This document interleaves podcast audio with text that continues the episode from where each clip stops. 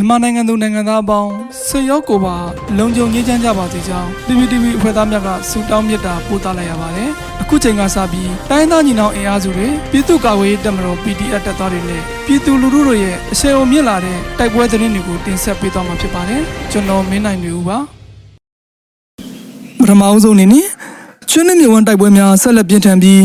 စစ်ကောင်စီတင်မော်တစီရေမြုံမိုင်းမိတဲ့သတင်းတင်ဆက်ပေးချင်ပါတယ်။ ကျွန်းနှမြအနောက်ဘက်ချမ်းကနေနယ်မှာစစ်ကောင်စီနဲ့ဒေသကာကွယ်ရေးတပ်တွေကြားတိုက်ပွဲတွေဆက်လက်ပြင်းထန်နေပြီးဒီနေ့စစ်ကောင်စီကြောက်စိမ့်တင်တင်မော်တစီရေမြုံမိုင်းမိပြီးပျက်စီးခဲ့ပါတယ်။ဒီကနေ့ဒီဇင်ဘာလ10ရက်နေ့မနက်ပိုင်းမှာကဏီနယ်ဆွေရချောင်းအနီးမြကန်းတစ်ပိုက်ကိုနေမြေရှင်းလင်းမှုလာတဲ့စစ်ကောင်စီတပ်တွေဟာ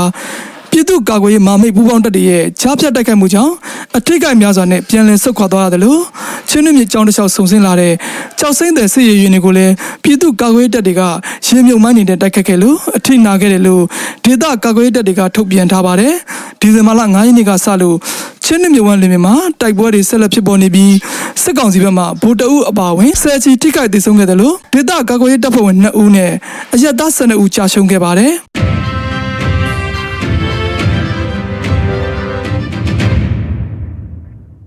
ဆက်လက်ပြီးစိုင်မြေမြို့နယ်ရဲစခန်းနဲ့လုံခြုံရေးရဲကင်းစခန်းတို့ကို PDF ကတိုက်ခိုက်တဲ့တဲ့ရင်ကိုတင်ဆက်ချင်ပါတယ်။စကိုင်းတိုင်းတပင်းမြို့နယ်စိုင်ပြင်မြို့နယ်ရဲစခန်းနဲ့ရဲကင်းစခန်းကိုမနေ့ကဒီဇင်ဘာလ9ရက်နေ့ညနေ9:50မိနစ်က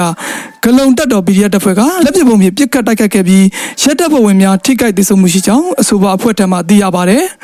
ရင်တိုက်ခိုက်မှုဖြစ်စဉ်တွင်လက်မရှိကင်းဆောင်ရဲသားလေးဦးကိုလက်ပစ်ပုံသုံးလုံးဖြင့်ပစ်ခတ်တိုက်ခိုက်ခဲ့ပြီးရဲတပ်သား2ဦးသာပြန်လည်ပစ်ခတ်နိုင်ခဲ့ပြီးစကန်တွင်ကထက်လာသည့်ရဲတပ်သား6ဦးရဲကင်းသို့ထပ်မံရောက်ရှိလာကပြန်လည်ခုခံပစ်ခတ်နေစဉ်လက်ပစ်ပုံနှလုံးဖြင့်ထပ်မံတိုက်ခိုက်ခဲ့ပြီးရဲတပ်သား2ဦးသာပြန်လည်ပစ်ခတ်နိုင်တော့ကြောင်းဂလုံတပ်တော် PDF တပ်ဖွဲ့ကထုတ်ပြန်ချက်တွင်ဖော်ပြထားပါတယ်အဆိုပါတိုက်ခိုက်မှုကိုဂလုံတပ်တော် PDF တပ်ဖွဲ့ကစစ်ကမ်းမှုဆရာအောက်ချင်းဦးဆောင်တဲ့တပ်ဖွဲ့ဝင်9ဦးတို့ကပစ်ခတ်တိုက်ခိုက်ခဲ့ခြင်းဖြစ်ကြောင်းသိရပါတယ်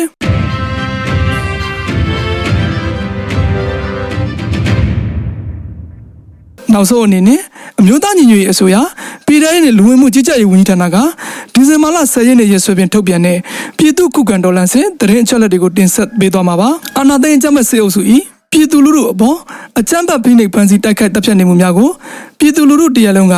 အသက်ရှင်သန်ရေးအတွက်မိမိကိုယ်ကိုမိမိခုခံကာကွယ်ပိုင်ခွင့်အရာပြည်သူ့ခုခံစဉ် People Defense War ကိုဆင်နွှဲလျက်ရှိပါတယ်။တရင်ချက်လက်များအရ